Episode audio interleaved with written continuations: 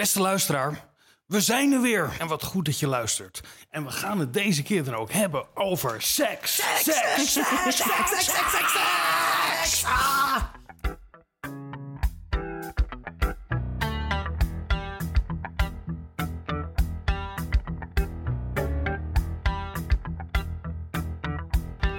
Vanuit Amsterdam is dit Onder Media Doctoren, de podcast waarin communicatiewetenschappers zich verwonderen over de media.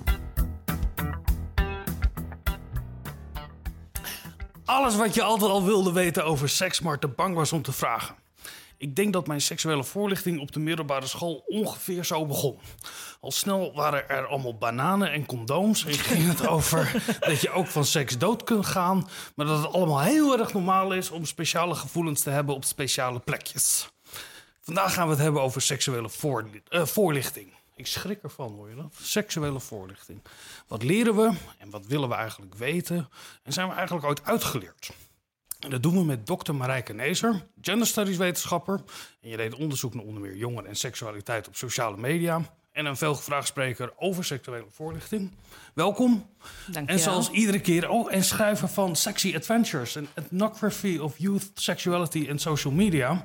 En voor de trouwe YouTube-kijkers kunnen we nu ook echt het boek zien. Het proefschrift van Marijke. Het proefschrift. Ja, anders word je ook geen dokter natuurlijk. Precies, Ja. ja. precies. Welkom bij Ondermedia Doktoren. Ja, zo leuk dat je er bent. Ja, ik uiteraard hoorde u haar al, mijn vaste mede-mediadokter en allesweter. En voor haar beurtspreker. En voor haar beurtspreker, bedweter, allesweter, dokter Linda Duits. Hallo Vincent. Linda, hoe verliep jouw seksuele voorlichting op school? Nou, jij, jij had het over bananen en condooms. Dat, dat herinner ik me dus. Dus in de tweede met een totaal rood aangelopen biologielerares... die eh, dus een condoom om de banaan ging draaien. En toen bleek de condoom niet in het pakket te zitten. En toen eh, zei mijn vriendinnetje... nou, ik heb wel een of- condoom. Nou ja, die had ze niet bij het, zich of het zo. Dus voorlichtingspakket. Dus mijn vriendinnetje Roos, die kwam er heel cool dat hij, dat hij dus een condoom had als, op, als 14-jarig meisje, dat ze het nooit ging gebruiken. Ehm, dus dat herinner ik me ervan. Dat hele ongemakkelijke, er moet dus een condoom om een banaan heen. En dat moet je blijkbaar ook leren, dat je dat moet kunnen doen. Terwijl dat kan ik nog steeds niet. Ik zeg ook altijd tegen mensen, doe dat lekker zelf, weet je. Dat, eh. en, en dat herinner ik me van school. Ehm, en ik ben natuurlijk opgegroeid in de tijd met de grote eh, Ja. vrij veilig eh, campagnes. En dat is me heel erg bijgebleven. Als je seks hebt zonder condoom, ga je dood. Ja. Je gaat gewoon dood. Dus als je dat doet, dan ga je dood. Dus ik heb, ben heel erg met dat angstbeeld eh, opgegroeid. Eh, die reclame van dat bijtje, weet je nog? Dus een, een bijtje en die vliegt van bloem naar bloem. En die besmet zo alle bloemen. En als je dus niet een, een, een zakje om jouw bloem heen doet, dan ga je dood. Ja, Ik kan me dat ook nog heel goed herinneren, ja. Het, moest allemaal leuk zijn, maar je gaat er ook dood aan. Terwijl, maar ik denk dus, en dat, ik denk dat dat voor veel jongeren geldt, dat mijn eh, herinnering aan die seksuele voorlichting gekleurd is. En dat we ook andere dingen meekregen. Waar ik gewoon niet zo, wat ik niet zo geregistreerd heb. Dus ik heb dingen die normaal zijn of goed onderwijs, dat onthoud je vaak niet zo goed, maar dus wel het ongemak. Oh ja, en ik weet ook nog dat ik, dat mijn moeder toen ik eh, nog kind was, had ze in de bibliotheek een boek gehaald waar dan een blote meneer en een blote mevrouw in bad gaan. En eh, dat mocht ik dan lezen, wat heel ongemakkelijk was ook. En toen wilde ze ook een keer eh, mij iets meer vertellen daarover. En toen zei ik, zoals veel kinderen zeggen... Mam, dat weet ik allemaal hoor. en dat, was, dat is alles wat mijn, eh, wat mijn ouders aan seksuele voorlichting hebben gedaan. En zie wat er van is geworden. Je bent nog steeds op zoek naar antwoorden eigenlijk. Ik, ik leef nog, laat ik precies. het zo zeggen. Dus I proved them wrong. Ja. Marijke, eh, heb je wel Ja. een seksuele voorlichting gegeven? Eh, geen formele seksuele voorlichting. Maar ehm, op andere manieren draag je natuurlijk wel bij aan de seksuele kennis van mensen. Ik heb natuurlijk wel veel gepraat met allerlei mensen, inclusief ook jongeren, over seksualiteit. En helemaal toen ik natuurlijk onderzoek kwam doen, eh, onder andere op middelbare scholen. En eh, zodra jongeren er eh, neus voor kregen dat ik onderzoek deed naar seksualiteit, was ik natuurlijk een aangewezen vraagbaak. Dus heb ik wel met ze over dingen gepraat, ja. En waar, waar ging het dan over? Waar vroegen ze dan naar? Oh, dat was van alles en nog wat. En dat, dat ging van eh, heel, ja, heel onschuldig over relaties en romantiek. En wat leuk is om op date te doen. Tot eh, kun je ontmaagd worden door paard te rijden. Ehm, eh, hoe zit het eigenlijk überhaupt met maagdelijkheid? Ehm, ja, de, de vraagstukken waar volwassenen ook mee bezig zijn, zeg maar, daar, die zie je bij jongeren ook wel terug. En ook wel wat andere verrassende onderwerpen. Ja, want waar gaan, als je nu kijkt naar het huidige seksuele voorlichting, we het heel breed nemen, wat zijn nou eigenlijk de onderwerpen die daar het meest in terugkomen? Ik kan me vooral die hele technische handelingen herinneren van dat je in ieder geval uh, niet zwanger werd van die banaan. Uh, maar wat, wat zijn de onderwerpen die aan bod komen, Linda? Um, nou, uh, ik heb daar niet op school les naar gedaan. Nee, wat, wat, ja, wat, wat sowieso altijd. Er zijn eigenlijk een paar componenten, denk ik, die standaard terugkomen. Dus anatomie is heel belangrijk. Hoe zit het lichaam in elkaar? Um, veilige seks. Veilig vrij is eigenlijk een beetje een term die ze bij SOA AIDS Nederland in ieder geval liever niet meer uh, gebruiken. Er zijn natuurlijk verschillende manieren waarop je je kunt beschermen tijdens de seks. Dus beschermen tegen HIV, beschermen tegen andere SOA's. En of ook beschermen tegen zwangerschap. Maar dus beschermde seks, dat is een belangrijk onderwerp. En, maar wat, wat, ik begrijp het niet. Wat is het verschil tussen beschermde seks en veilige seks? Nou, veilig is, een, is eigenlijk een beetje een besmet uh, woord in de, in de voorlichtings hoek. Want wat betekent veilig? Wanneer, kijk, dus je kunt prima uh, seks uh, hebben met een condoom om. En uh, terwijl je bedpartner ook nog aan de pil is. Of eventueel PrEP slikt. Dat lijkt dan dus heel veilig. Maar stel dat je dat doet op de Mount Everest. Dan ben je alsnog niet veilig. Nee, maar je bent natuurlijk nooit, dat oh, betekent niet dat je ook veilig bent tijdens de seks. Veiligheid gaat ook over meer dingen dan dat. En het gaat dus over bescherming tegen bepaalde dingen. Dat is wat, uh, wat bij in Nederland speelt. Um, dus dat is, een, dat is een ding. Maar daarnaast heb je dus ook nog allerlei dingen die gaan over... ben je er klaar voor? Hoe praat je met elkaar uh, tijdens uh, de seks? hoe communiceer je over je wensen in bed? Um, en ook nog een hele stap daarvoor. de relatie die je hebt met je lichaam. Wat weet je zelf ook over je lichaam? Wat weet je over wat je lekker vindt? Dat hoort ook allemaal bij seksuele voorlichting. En dan zie je dat je uh, dat is allemaal van alle tijden. En elke, elke jaar komen er weer nieuwe jongeren bij. um, dus dat. En, en, dan heb je een aantal dingen die nu specifiek spelen, natuurlijk. zorgen over sexting bijvoorbeeld. Um, dus die meer aan, bepaal, aan het ontstaan van bepaalde technologieën gekoppeld worden. Uh, die er niet waren toen wij opgroeiden. Maar Marijke die heeft hier meer verstand van. Ja, nou, je zegt het, hè? het is een belangrijk nieuw onderwerp of activiteit. Hè? Onder andere sexting, ook andere online uh, seksuele praktijken. En toch zie je dat de voorlichting daar nog niet helemaal op afgestemd is. Dat is toch nog wel steeds bescherming tegen zwangerschap, bescherming tegen SOA's, anatomie inderdaad. en wensen en grenzen ook wel, hoewel dat ook wel weer verschilt per school. Uh, als je het tenminste hebt over formele voorlichting op school dan. Dus uh, de voorlichting is nog niet helemaal uh, bijgebeend met alle ontwikkelingen, zeg maar, die nu ja. gaande zijn. Ja, er was een enquête bij één Vandaag. Die hadden een lijstje gemaakt met wat komt er nou aan bod. Mm -hmm. En dat is met name voorplanting. En ja. daarna de werking van het menselijk lichaam. Dat ligt nog in het verlengde daarvan. Voorkomen van zwangerschap, voorkomen van SOA's en veranderingen in de puberteit. Ja. En wat niet aan bod kwam, nou, zijn heel andere dingen. Gender, identiteit, uh, of het plezierig is om seks ja. te hebben, masturbatie, uh, grenzen ja. en weerbaarheid, zoals wordt genoemd. Maar wat, ja. wat en zelfs, zelfs, zelfs als je het hebt over die anatomie, ook dat is nog heel beperkt. Dat, dat bijvoorbeeld de meeste mensen hebben nog steeds geen idee over hoe een clitoris eruit ziet, hoe het werkt en wat je ermee kunt. Dus zelfs dat is nog wel weer. Het, is, het zijn echt hele beperkte. En scholen hebben ook vaak maar beperkte tijd. Als je geluk hebt, dan mag je als docent zes lessen met jongeren eraan werken. Maar als je pech hebt, is het één lesuur. Um, In of... een hele schoolcarrière? Ja. Eén uur? Ja, en een uur is 50 minuten op de middelbare school vaak. Dus dat is dat, oh. ja, het kan ook niet. Nee, nee, ik, dit, wat, ik maar dus, schrik ik van. Dus, hoe, er, zit dus, er zit dus een hele grote variatie in wat leerlingen krijgen. Dat ja. komt uh, volgens mij uh, door het bijzonder onderwijs. Dus scholen mogen zelf ook hebben een hele grote vrijheid in hoe ze dat inrichten. Want jij ja. was op verschillende scholen. Wat voor verschil heb je dan gezien tussen die scholen en waar lag dat aan? Ja, mijn onder onderzoek ging natuurlijk niet over seksuele voorlichting. Dus ik heb niet systematisch mm. vergeleken. Uh, maar ik weet wel dat het op scholen ontzettend uiteenloopt. En dat heeft heel erg mee te maken dat scholen zelf mogen kiezen eh, hoeveel tijd ze eraan besteden, welke eh, lespakketten ze gebruiken, eh, wat voor boodschap ze precies afgeven.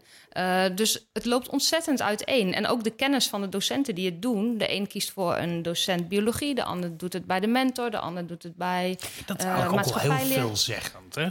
Ja. Of je de, de, de bioloog uh, aan het woord laat, ja. of dat je een, um, nou ja, een mentor of iemand ja. die wat dichterbij staat. Ja. Je wil natuurlijk en je ziet... alles. Ja.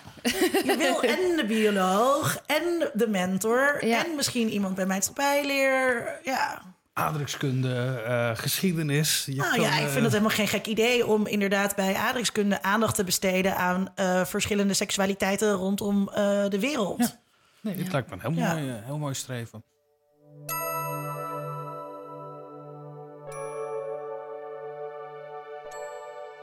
Hey Vincent. Hey Linda. Beste mede-media-dokter. Met altijd mijn vaste mede-media-dokter. En lieve luisteraars. We klinken zo opgewonden, want... Het is groot nieuws. Ja, dit jaar hebben we echt iets te vieren. Ja, en we kunnen tellen. Kunnen we tellen? Ja. Hebben we dit eigenlijk nog gecontroleerd? We hebben het. Dat is een goede vraag natuurlijk. Ik denk dat het wel klopt. Oh ja.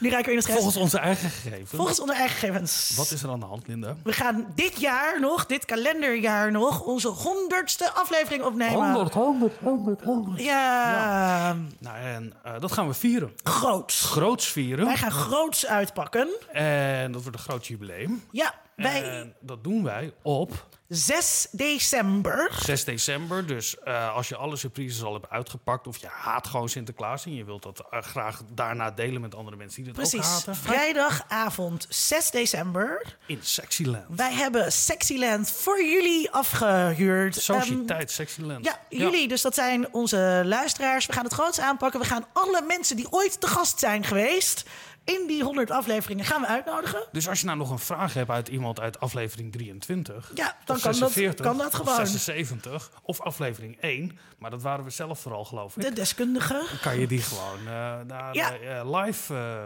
ja. Live aanwezig zijn daar dan gewoon. En wij zijn er ook. Wij zijn er ook.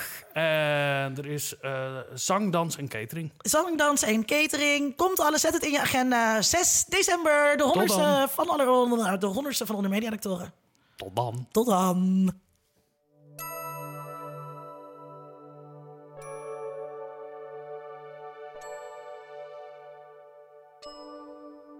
Wat ben jij in je eigen onderzoek tegengekomen over wat jongeren uh, willen weten? Want je gaf net al aan mm -hmm. dat je wel eens een gesprekje hebt gevoerd ja. daarover.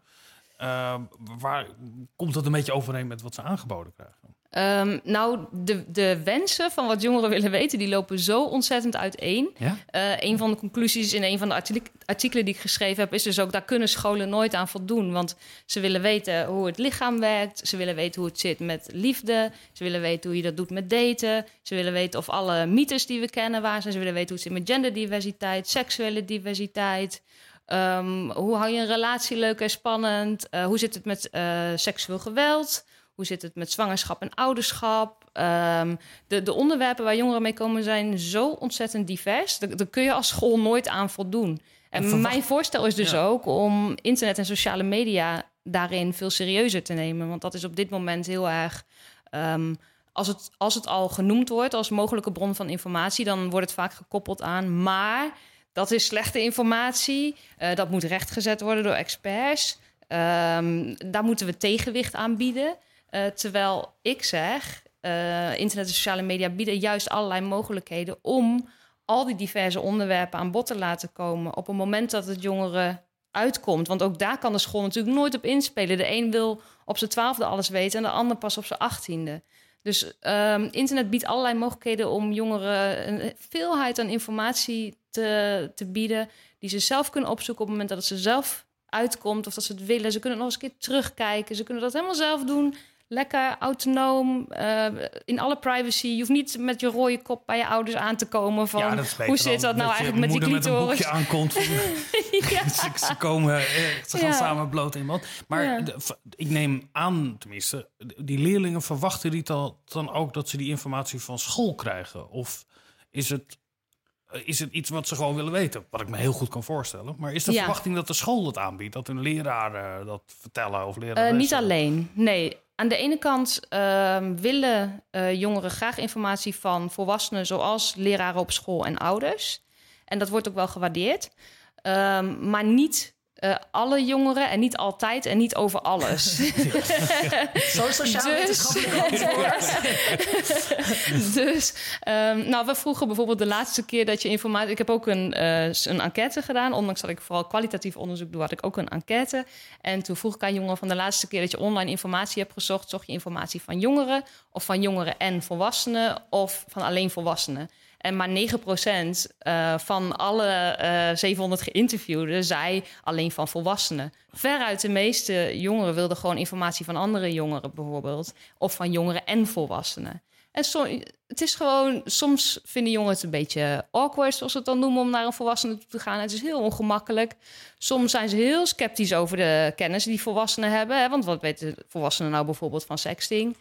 Um, Soms zijn ze bang om veroordeeld te worden. Of, of dat ouders bijvoorbeeld of docenten maatregelen gaan nemen. Van, uh, oh, oh, dus dat is wat je doet met je telefoon. Oh, nou, in dat geval uh, alleen, nog je ja, ja, alleen nog als ik erbij ben. Ja. Dus um, ja, volwassenen zijn belangrijk. En jongeren willen ook echt gewoon dingen kunnen checken. En met name de, wat dan objectieve informatie is, voor zover informatie ooit objectief is. Maar die willen ze gewoon van volwassenen en van ex, volwassen experts. Maar andere dingen hoe denken leeftijdsgenoten over bepaalde zaken? Wat vinden ze normaal? Ja, is dat ehm, niet, dat, daar zat ik al te denken. Is het voor die leeftijd, zeker bij dit soort intieme vragen, is het ook een zoektocht naar ben ik wel normaal? Ja, zeker. Ja, dat was echt een heel de veel grote voorkomend. Van ja. tot 17 jaar. Nee, ja. nee, Vincent, dat is helemaal niet zo.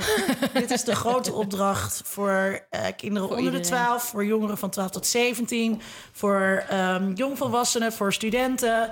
Ik bedoel, ik schrijf columns over seks. En dan kom ik een oud collega tegen die in de 40 is. En die gooit al zijn relatieproblemen op mij. En wil ook alleen maar weten: is dit normaal? Ben ik normaal? Is mijn partner wel normaal? Dit is iets, als het gaat over seks, is dat de vraag voor iedereen zijn hele leven lang. Linda, waar staat NVVS voor? Staat voor de uh, Nederlandse Vlaamse Vereniging van Seksuologen. En jij sprak met Juri Olrichs, seksuoloog en communicatiewetenschapper.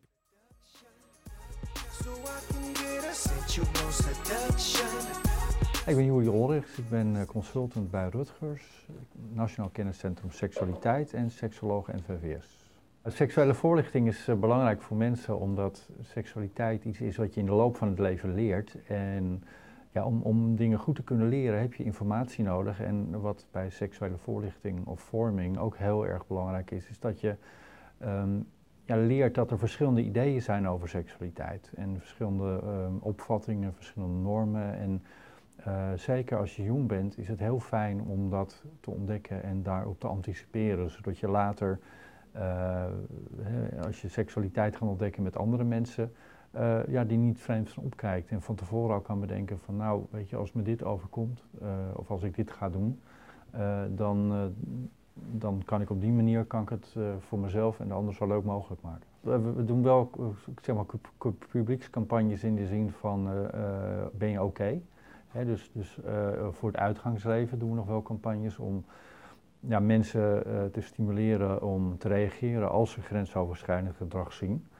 dus naar iemand toe te stappen en vragen ben je oké? Okay? Dat is dan naar degene die het gedrag vertoont als naar degene die het ondergaat.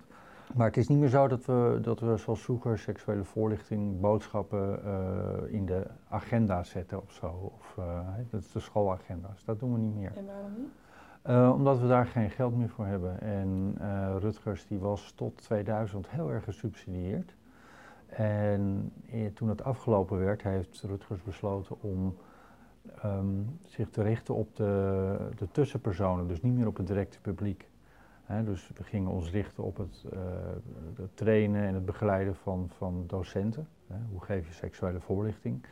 Uh, ouders, hoe ga je met je kind om met uh, seksualiteit? En wat we wel nog doen naar het, het, algemene publiek is bijvoorbeeld eh, de website sens.info, waar we dus samen met SOA AIDS Nederland Jong Nederland bedienen vanaf 12 tot 24 jaar, 25 jaar, met informatie over seksualiteit. Nee, Rutger ziet porno zeker niet als iets negatiefs. Um, er is wel nodig om naast uh, porno of, of, over porno voldoende te vertellen. Dus duidelijk te maken aan jongeren en volwassenen. ja, dat dat maar een heel klein deel is van de seksuele realiteit. En, en dat het ook maar een heel gecompenseerd, ge, hoe het, uh, hoe noem je dat nou, gecomprimeerd beeld is van de seksualiteit. Hè? Want de mensen zijn in vijf minuten opgewonden en misschien ook al een paar keer een orgasme gehad. Um, nou, dat is niet altijd heel erg realistisch. bijvoorbeeld het programma als Dr. Corrie. daar hebben we natuurlijk op de achtergrond heel erg veel in informatie gegeven. En wat we ook nog doen via sens.info is dat we met bekende uh, YouTubers of vloggers, of hoe ze ook heten, um, uh, ja, content maken waarbij zij de vorm en, en, en het, het, het geluid doen, zeg maar. Hè. Hoe, spreek je jongeren aan? En wij als deskundige seksuele gezondheid ervoor zorgen dat zij de goede informatie aanbieden. Nou, de seksuele ontwikkeling die begint al eigenlijk al voor je geboorte dus uh, in, die, in, in, in de loop van je leven maak je verschillende seksuele fases door. En dat is de reden dat we dus ook uh, qua voorlichting verschillende fases onderscheiden.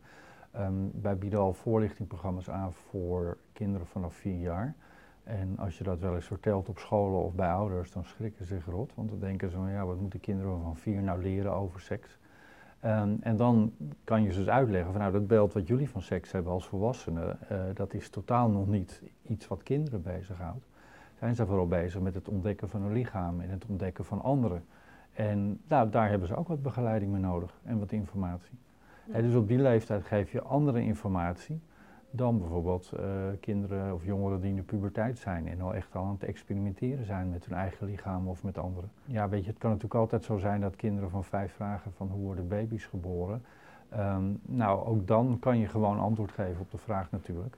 Alleen is het niet nodig om, om uitgebreid stil te staan bij de verschillende standjes uh, en hm. andere sekstechnieken. Dus ja. daar hebben ze ook helemaal geen interesse voor. En het gaat echt het ene oor in en het andere oor uit. Hopen we dan maar. Nee, nee hoor.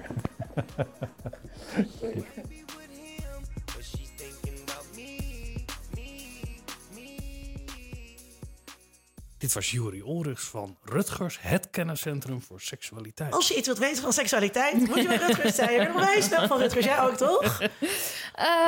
Um, oh. ik, ik, proef, ik proef enig. Uh, uh, ja, ik ben wel kritisch over een aantal dingen, ja. Dat is misschien voor de ik, ik, vind dat, ik, ik, ik, leg het draaiboek even opzij. en ik geef maar eigenlijk gewoon de microfoon. Maar niet over Juri, toch? nou, ik heb ook wel discussies gehad met Juri, ja. ja Uiteraard. Discussies, discussies. Maar... Ik denk dat dit een uitgelezen moment is om helemaal overleeg te lopen. Want nu uh, kan hij daar uh, weinig over.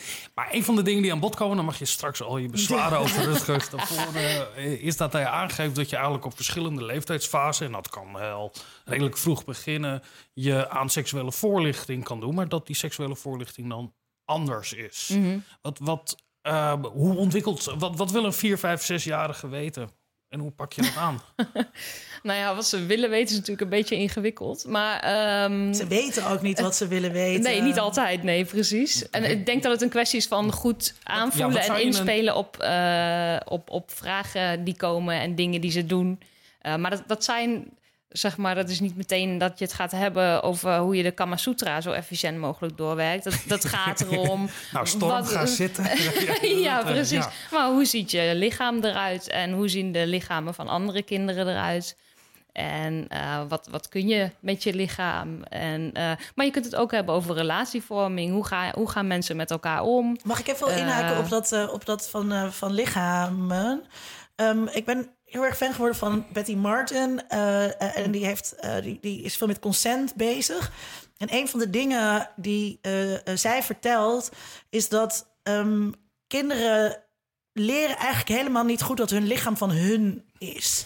En dat komt juist ook omdat we dus eigenlijk te lang wachten met seksuele voorlichting. Dus kinderen leren onvoldoende wat ongewenste handelingen zijn met hun lichaam. Dus op het moment dat kinderen slachtoffer worden van seksueel geweld, weten ze vaak ook niet van wat was nou gepast en ongepast gedrag en wanneer mag ik ook nee zeggen wat ik niet wil dat, ik, dat iemand met mijn lichaam doet. En Betty Martin zegt ook een van de redenen waarom dat komt is ook omdat ouders sowieso hun kinderen de hele tijd ongewenst aanraken. Denk maar als je de straat over moet steken, dan word je bij je handje gegrepen. Best wel vaak hardhandig, want je wil al doorlopen. Um, dus als kind is je lichaam eigenlijk ook niet van jou. Nee, maar dat is toch ook heel goed? Dat is voor een deel dus heel goed, maar voor een deel ook heel slecht als je kinderen of, of, of individuen eigenaarschap over hun eigen lichaam wil geven. Want dat, zijn dus, dat betekent dus ook dat mensen die misbruik willen maken van kinderen... ehm, daar een voordeel hebben. Ja, Snap dat- snap ik helemaal. Maar dat je het, het, het- ten eerste het hele concept van eigenaarschap van je eigen lichaam, dat is een heel. dat- Dat is iets wat je moet leren, wat, wat, wat met de tijd komt, omdat het is een heel abstract concept Mhm. natuurlijk. Maar het, het idee dat je consent van je kind zou moeten hebben als je je kind beschermt volgens overstekend verkeer. Nee, je hoeft niet het consent van je kind te hebben als je oversteekt eh, op de straat. En je hoeft ook niet het consent van je baby te hebben als je zijn plaswertje gaat wassen. Wat je wel moet doen met je kinderen, is duidelijk maken op een bepaalde leeftijd, en dat is echt al heel jong. Jouw lichaam is van jou. Er zijn bepaalde plekken op jouw lichaam waar anderen niet aan mogen zitten zonder jouw toestemming. En, en En dat kan dus alleen maar als je dus al durft met je kind te gaan praten over lichamen en seks. En heel veel ouders durven dat dus niet. En het hoeft Maar- ook niet meteen over seks te gaan. Het is, het is ook van eh, eh, geef die tante die en die is een knuffel. En als het kind zegt van nee, dat wil ik niet. Ah, toe, anders wordt ze zo verdrietig. Ja, Dan zie je al wat voor een boodschap je eigenlijk afgeeft. Hoeveel ooms ik niet heb moeten kussen die ik niet wilde Ja. kussen, maar ik moest. Ja, maar je leert een kind toch ook iets van empathie en, en opofferingsgezindheid naar die, naar die oom of tante die toch al zo eenzaam is, is. dus, nee, maar dat is dus Eh, niet oké. Het is niet oké. Vind, dat vind ik echt. Dat vind ik een heel belangrijk punt. Het is echt niet oké om je kinderen te dwingen iemand te knuffelen of te kussen als ze dat niet willen. eh, maar waar, waar, waar, waar stopt dat dan? Waar de, de, als je de, de wil van een kind als uitgangspunt neemt. Waarom is het dit domein wel, maar bijvoorbeeld eh, dat je eh, bepaalde dingen gewoon moet eten of dat je op tijd naar bed moet? Hey, is het iemand naar bed sturen en zeggen je moet in bed blijven? Is dat dan ook een soort inperking van het lichaam in een bed? Nou, ja, maar ik denk dat het wel Eh. goed is, ehm, zeg maar, doe je het vanuit de, eh, de even denken hoor, de, de goede. eh, doe je het vanuit de belangen van het kind of doe je het voor je eigen belang? Want- zeg want maar, anders moet dat kind die tante een knuffel geven omdat het voor die tante zo fijn is, omdat het voor het kind zo fijn Of is? misschien omdat tante Thea anders zegt en Marijke... Storm heeft me alweer geen kus gegeven. Ja. Kan jij niet eh, je kind opvoeden? Kijk, ik ben misschien wel de laatste die het op gaat nemen voor de familie als grote familie van een extended familie. Maar ik vind wel dat als jij, eh, dat je ook als kind, eh, ben jij nog niet op het niveau om het onderscheid te kunnen maken van wat je wil en wat ook een, een groter belang welke dient. leeftijd heb je het dan? Een vierjarige of een vijfjarige. Als jij een oma hebt en oma die ruikt een beetje grappig, want dat ja, eh, dan word je, vind ik dat je van een kind best mag vragen: eh, geef je oma een Maar knuffel. nee, maar kijk, het is voor het beste van het kind dat, dat het kind op tijd naar bed gaat en dat het kind de groente opeet en al die dingen. Er, ik kan me geen enkele mogelijkheid bedenken waarom het in het beste van het kind is om stinkoma te kussen. als het kind dat niet wil. En op het moment dat leren je dat. omgaan met dingen die je niet leuk vindt, maar die gewoon soms wel eens moeten. Ja, en daarmee zet je dus de deur open naar een leven lang andere plezieren op seksueel vlak zonder dat je aan je eigen plezier Ja, denkt. ja, dat vind ik echt een schromelijke overdrijving. Dat een, een om, omhelzing van een oma. Kijk, je hoeft. Maar het is niet één omhelzing. Kijk, het is een boodschap het die je de hele tijd krijgt. En helemaal als je een meisje of een vrouw bent, is dit de boodschap die je constant krijgt. Dat jij maar dingen moet doen waar je andere mensen blij mee maakt. En zo zitten we ons het hele leven aan te passen om eruit te zien, om te praten, om te doen zoals andere mensen dat fijn vinden. En het is En een dat hele is kleine natuurlijk- stap van dus oma een kus geven naar de orgasmekloof. Eh, kijk, wat jij zegt, maar maar daar kan ik het alleen mee eens zijn. Natuurlijk is daar een groot, gro- groot genderverschil in hoe je hè, lieve meisjes en stoere jongens of zoiets. Maar eh, en, en, en natuurlijk, ik, ik, heb ook wel eens een tante die dan je op je mond kust of wat dan ook. Maar een beetje dat je. Vincent kijkt zo eh, godzijdank vies bij. eh, maar dat je als kind al op een hele jonge leeftijd een vorm van consent heeft, eh, dat, dat, dat, dat, dat vind ik ergens schuren van waar trek je dan die grens. En een, een ander punt eh, wat ik wilde maken is op het moment dat jij bepaalde lichaamsdelen bij een kind gaat aanwijzen als dit mag en dit mag niet, creëer je dan ook niet een. Eh, dat dat een, een problematische gebieden Maar worden. dat doen, maar dat doen, kijk, dat doen ouders gewoon best wel snel, omdat eh, ja, ja, als, je, als je met kinderen niks over doet, dan gaan ze dus met een plassertje spelen als tante Thea erbij is. Eh, en je moet kinderen leren dat dat eh, eh, sociaal is, ja. onwenselijk is. Ja. En wat je dan. En de, de vraag is natuurlijk de manier waarop je dat doet. Zeg je dan eh, afblijven, dat is vies. eh, zeg je afblijven, dat is voor jou eh, alleen als je alleen bent. Ehm, eh, of ga je dus met je, kind een gesprek aan en eh, zeg je, nou, dat kan heel fijn zijn om met je plassertje eh, te spelen. Weet wel, jouw plassertje is van jou. Ehm, en tante Thea, die vindt dat misschien ongemakkelijk om te zien. En het is ook van jou. En, maar dan heb je een heel ander gesprek. Maar het gaat dus heel erg over de bereidheid van ouders om te erkennen dat hun kind seksueel is. En daar, dat, dat, dat is denk ik de crux. En natuurlijk heb je het dan over grenzen en waar begint dit en waar begint dat. En daar mag je denk ik als, als ouders, godzijdank, zelf in staan. Maar ik zou toch echt bij ouders willen aandringen om hun kinderen ehm, ehm, al vanaf jonge leeftijd op dat vlak serieus te nemen. Ja, maar ik geloof niet dat iemand daar eh, tegen is. Nee, maar heel veel mensen die willen natuurlijk de seksualiteit van kinderen ontkennen. Ik bedoel, je hebt- heel veel mensen die, die willen eigenlijk gewoon zeggen... tot 18 gebeurt er helemaal niks. Eh, ja, of in sommige kringen nog wel later of onder bepaalde condities van eh, het huwelijk bijvoorbeeld. D- Wat gek genoeg dan wel weer op jongere leeftijd mag. Hè? In Amerika mogen nog steeds meisjes van 14 trouwen met oudere mannen. Oh ja, zeg maar binnen het huwelijk. Ja, dan kan het nooit, nooit pedofilie zijn. Nee, en dan kan het ook nooit verkrachting zijn. Ja, sommige precies, ja. gebieden natuurlijk. Dat daar, Ehm, we, we hebben het over de hele jonge eh, eh, leeftijd. Dat, als vier, vijfjarige ben je natuurlijk ook buitengewoon afhankelijk van, van ouders en, en, en voogden en je, je eigen sociale kring. Vanaf welke leeftijd beginnen jongeren dan zich op een andere manier te informeren? Want je gaf wel aan, natuurlijk wordt er online eh, veel eh, gedaan. Ja. eh, en mensen moeten goede informatie daar vinden. In het onderzoekje zag ik dat jongeren ook veel met elkaar praten natuurlijk over. hoe, hoe, op welke leeftijd begint dat eigenlijk? Ik denk dat dat heel stapsgewijs gaat. Een, een, de wereld van een kind wordt steeds groter. En ehm, mijn onderzoeksgroep was 12 tot 18 jaar.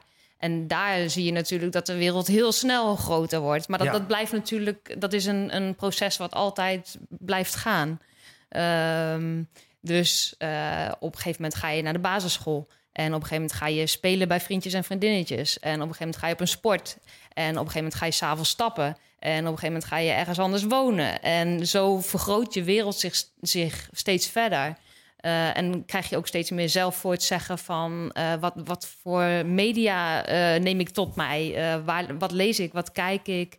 Met wie praat ik? Waar zoek ik informatie? Eh, dus zo wordt die wereld steeds wat groter en heb je ook steeds meer informatie om je toe te verhouden. Ja, het werd al genoemd in het interview ook dat er nou ja, misschien wel slechte media zijn of slechte Mm. bronnen. Wat, wat, wat, wat wordt dan gezien als slechte bronnen? Nou ja, Jury had het natuurlijk over eh, seks voor de boeg. Eh, ehm, um, omdat dat in de tijd was dat hij eh, eh, voorlichting ging geven op scholen.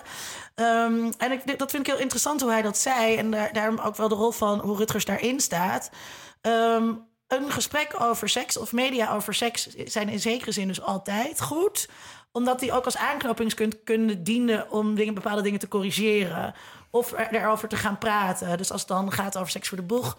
Uh, dat was natuurlijk een tijd waarin we allemaal heel erg zaten te lachen om de fetishen van andere mensen. Ik denk dat die, die periode en daarvoor er nog nooit zoveel uh, uh, variatie aan seksualiteit op de open televisiekanalen is geweest. Ja, dat was ik, een, in die zin een hele progressieve periode. En dat, dat kan je nou. dus, als je een beetje sekspositief bent, kan je dat dus inderdaad als uitgangspunt nemen of als aanknopingspunt. Van oké, okay, wat heb je nou gezien? Waar gaat het nou precies over? Denken jullie dat seks ook zo is? Of wat voor, als je met jongeren gaat praten, of wat voor ideeën hebben jullie daar dan over?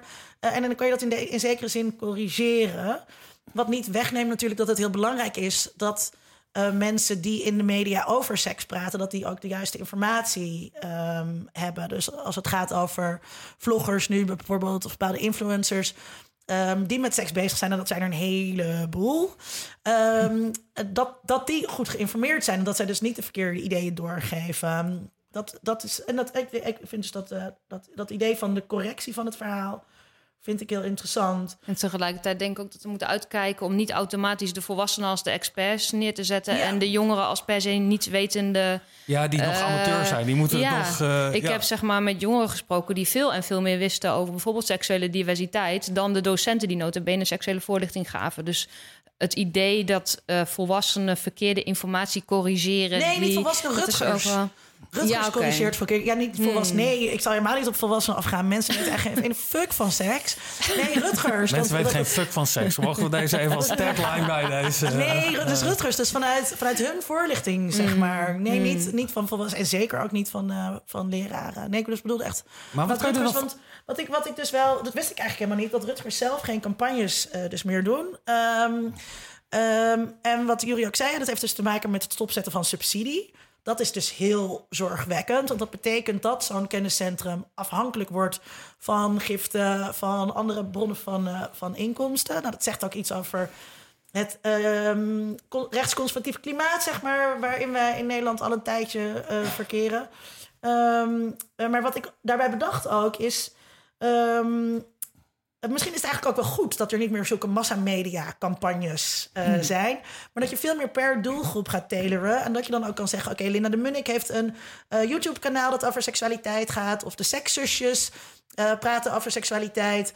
Eh, precies voor afgestemde doelgroepen. En dat Rutgers zich dan inzet om te zorgen dat zij in ieder geval de juiste kennis eh, hebben. Of dat in ieder geval eh, goed wordt doorgegeven. Oké, wat voor soorten anticonceptie zijn er eigenlijk allemaal als het gaat over beschermen tegen zwangerschap. Ehm, en dat het ook up-to-date is. Hè? Dat er bijvoorbeeld ook over PrEP gepraat wordt. Dat ik altijd heel belangrijk eh, vind. Weet je wat PrEP is, Vincent? Ja, dat weet ik. Maar ik, ik zit inderdaad te denken dat die grote campagnes uit onze jeugd... Ja, dat die natuurlijk zo generiek waren... ja. eh, dat je je eigenlijk ook niet zo aangesproken voelde... behalve dat je het veilig moest doen, anders ging je dood. En één filmpje ging over Ja. Linda. Dus dat was wel echt ook direct. Ja, Linda kent haar vriend al drie weken en Ja. daarom doen ze het zonder. Ja. Ja, dat, Oh, dat, wat heeft me dat eh, achtervolgd. Ja, ik ken ook iemand die in die campagne zat inderdaad. Maar eh, dat kan ik me heel goed voorstellen... dat men dit soort eh, vloggers of wat dan ook... die een, in, een veel intiemere relatie met hun publiek hebben... Ja. dat dat veel beter kan werken. En het is echt, maar het is ook echt belangrijk te bedenken dat er ehm, onder jongeren echt nog heel veel misverstanden eh, bestaan. Dus het, het word, je, word je zwanger van een wc-bril of zo, daar kan je, van, kan je om lachen. Maar eh, zulke mythes circuleren steeds weer. Ja. Steeds weer, wat ik aan het begin ook zei, er is steeds weer een nieuwe groep jongeren. En die moeten steeds weer opnieuw ehm, go- goed, goed geïnformeerd worden. En er is nog nooit zoveel informatie toegankelijk geweest. Maar ehm, de, ja, dat de informatie er is, betekent niet ook dat die aankomt. Maar de... Kijkt, kijkt alsof ze iets wil zeggen. Ik zit, nou, ik zit gewoon eventjes na te denken over de juiste informatie. Ja, of ja. de, dat vind ik wel een beetje een lastig... Hoe gekleurd is die, Concept. die, die juiste informatie? Ja, want dat is natuurlijk... ehm, kijk, allerlei informatie over het voorkomen van zwangerschap is juiste informatie. Feitelijkheden. Maar Ja. zal voor meisjes die alleen seks willen hebben met meisjes nooit relevant worden. Dus het kan wel juist zijn, maar dat wil nog niet per se zeggen dat, de, dat die meiden daar iets aan hebben, bijvoorbeeld. Nou, ik vind... Binnen, binnen de lesbische scene wordt er wel heel makkelijk gedacht... dat lesbiennes nooit SOA's hebben. Nee, zwangerschap. Oh, zwangerschap. Ja, Ja. oké. ja. Zeg maar, het, het hele voortplantingsverhaal. Maar ook Zwar- wel zwangerschap is geen SOA, hè, Linda? in mijn hoofd dus wel. Ja, serieus. Zwangerschap. Maar ook, maar ook dan... Ook dan, ja. Maar waar- het- het- die juiste informatie. Kijk, natuurlijk kunnen we het gewoon een biologische... eh, eh, de, de huidige stand van wetenschap Ja, maar ook, over ook hoe daar is al, ook dat is al een selectie en een bepaalde invalshoek. En ehm, we hebben het heel veel over bijvoorbeeld de eerste keer. Dat gaat dan altijd over de eerste keer dat een penis in een vagina gaat. Ja. Zeg maar, het, het, is, het, is, het is niet per se ehm, dat, het, dat het biologisch gezien klopt of feitelijk gezien klopt, wil nog niet zeggen dat het de juiste informatie is. Dus dat is wel belangrijk om daar steeds heel kritisch over te blijven. Van wat leren we aan kinderen en jongeren en Ehm, wat voor bias en wat voor blinde vlekken zitten daarin? Daarom zat ik even zo te fronsen en na Ja, te denken ja. toen jij het zo had over... we moeten zorgen dat jongeren de juiste informatie krijgen. Maar dat ben ik, dat ben ik met je eens. Ik hoorde een paar keer de, de, de term sekspositief. Ehm wat is dat, Marijke? Ehm, eigenlijk dat je ervan uitgaat dat seks in principe iets eh, positiefs en leuks is. Eh, en, en, en iets waar iedereen, ehm, als diegene dat wil, mee bezig zou kunnen en moeten gaan. En als je jouw seksualiteit een cadeautje van God is... wat je na het huwelijk mag openen... Uh, dat hoorde ik een keer. Vond ik mooi uitgedrukt. Uh, dan kan het een hele positieve ervaring uh, zijn, mm. natuurlijk. Dat je dat dan na het huwelijk gaat openen en dat je dat dan deelt met je partner. Is het dan ja. niet sekspositief als je het tot het huwelijk niet doet? Wat ik eigenlijk wil zeggen is, hoe ideologisch gekleurd zijn deze benaderingen van seksuele voorlichting? Uh, sekspositiviteit is geen woord dat specifiek uh, hoort bij seksuele voorlichting, maar um, is een term die is ontstaan uh, binnen, binnen het feminisme als reactie op um, um, ja, an anti-seks, anti-porno, anti-prostitutie. feministen. Dus je had in de jaren zeventig een aantal radicaal feministen die zich heel nadrukkelijk uitspraken Um, tegen uh, nou ja, de spoor en prostitutie, uh, on working is daar de VS heel, vooral, um, ja. ja. in de VS vooral. In, in, in, we hadden ze ook in Nederland. Uh, zijn ook porno of van die sekswinkeltjes besmeurd met verf en zo. Um, Andrea Dworkin schreef: um, Porn is the theory, rape is the practice. Het idee dat als mannen porno kijken, dan leren ze daarvan dat vrouwen het lekker vinden om verkracht te worden. Is heel negatief op seks uh, uh, ingestoken. En als reactie daarop is in de jaren tachtig een stroming ontstaan uh, die we uh, sekspositief um, uh, noemen. En, um, daar, en het begin, beginpunt daarvan was heel erg. Maar hoe zit het met plezier? En hoe kan, kunnen we als feministen op een andere manier nadenken over seksualiteit dan vanuit zo'n zwaar beladen uh, verkrachtings, alles is negatief. Eigenlijk ook wat die radicaal feminist of sommige radicaal feministen zeiden, die, zeiden ook, ja, eigenlijk is elke vorm van, van vaginale penetratie eigenlijk al verkrachting. En um, en vaginale penetratie is ook een instrument van het patriarchaat om het patriarchaat in stand te houden. Nou ja, dus echt uh, diep, diep, vuistdiep, uh, zeg maar, in, uh, in, in, in, die hoek. En sekspositiviteit is dus als reactie daarop ontstaan. En is iets wat we binnen, um, binnen feminisme, maar ook binnen genderstudies... en ik denk inmiddels ook wel redelijk daarbuiten gebruiken... als je, wilt, als je jezelf eigenlijk ook wilt kenbaar maken... als iemand die dus niet per se vanuit een zorg narratief um, gaat redeneren. Ik denk dat in deze tijd past dat meer. Denk ik dat sekspositief meer staat tegenover dat zorgdiscours dan, dan het, dan het uh, dat porno. Uh, dat zie, je, dat zie je ook wel vertaald in hoe je seksuele maar dat, dat je praat over dat je, dat je de nadruk legt op um, de positieve kant van seks, op het plezier dat uh, seks brengt. Is, maar is dat, kan brengen. is dat ideologisch? Dat is ideologisch. Hoe, ja.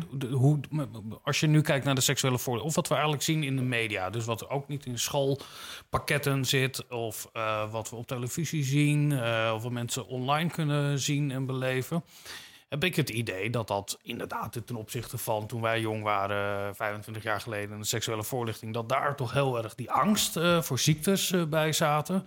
Maar dat het nu veel meer ook gericht is op hoe kan je plezier hebben met nou, elkaar. De politie adviseerde een jaar geleden nog aan jongeren om helemaal niet meer aan sexting te doen. Ja. ja.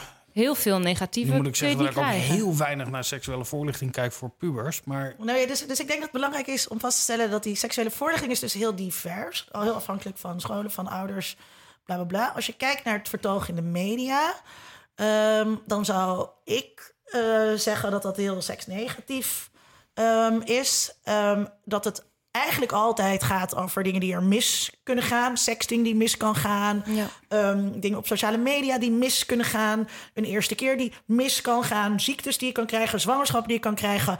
Emotionele schade die je kunt oplopen. Door seks. Dus dat, wordt, dat wordt heel erg benadrukt.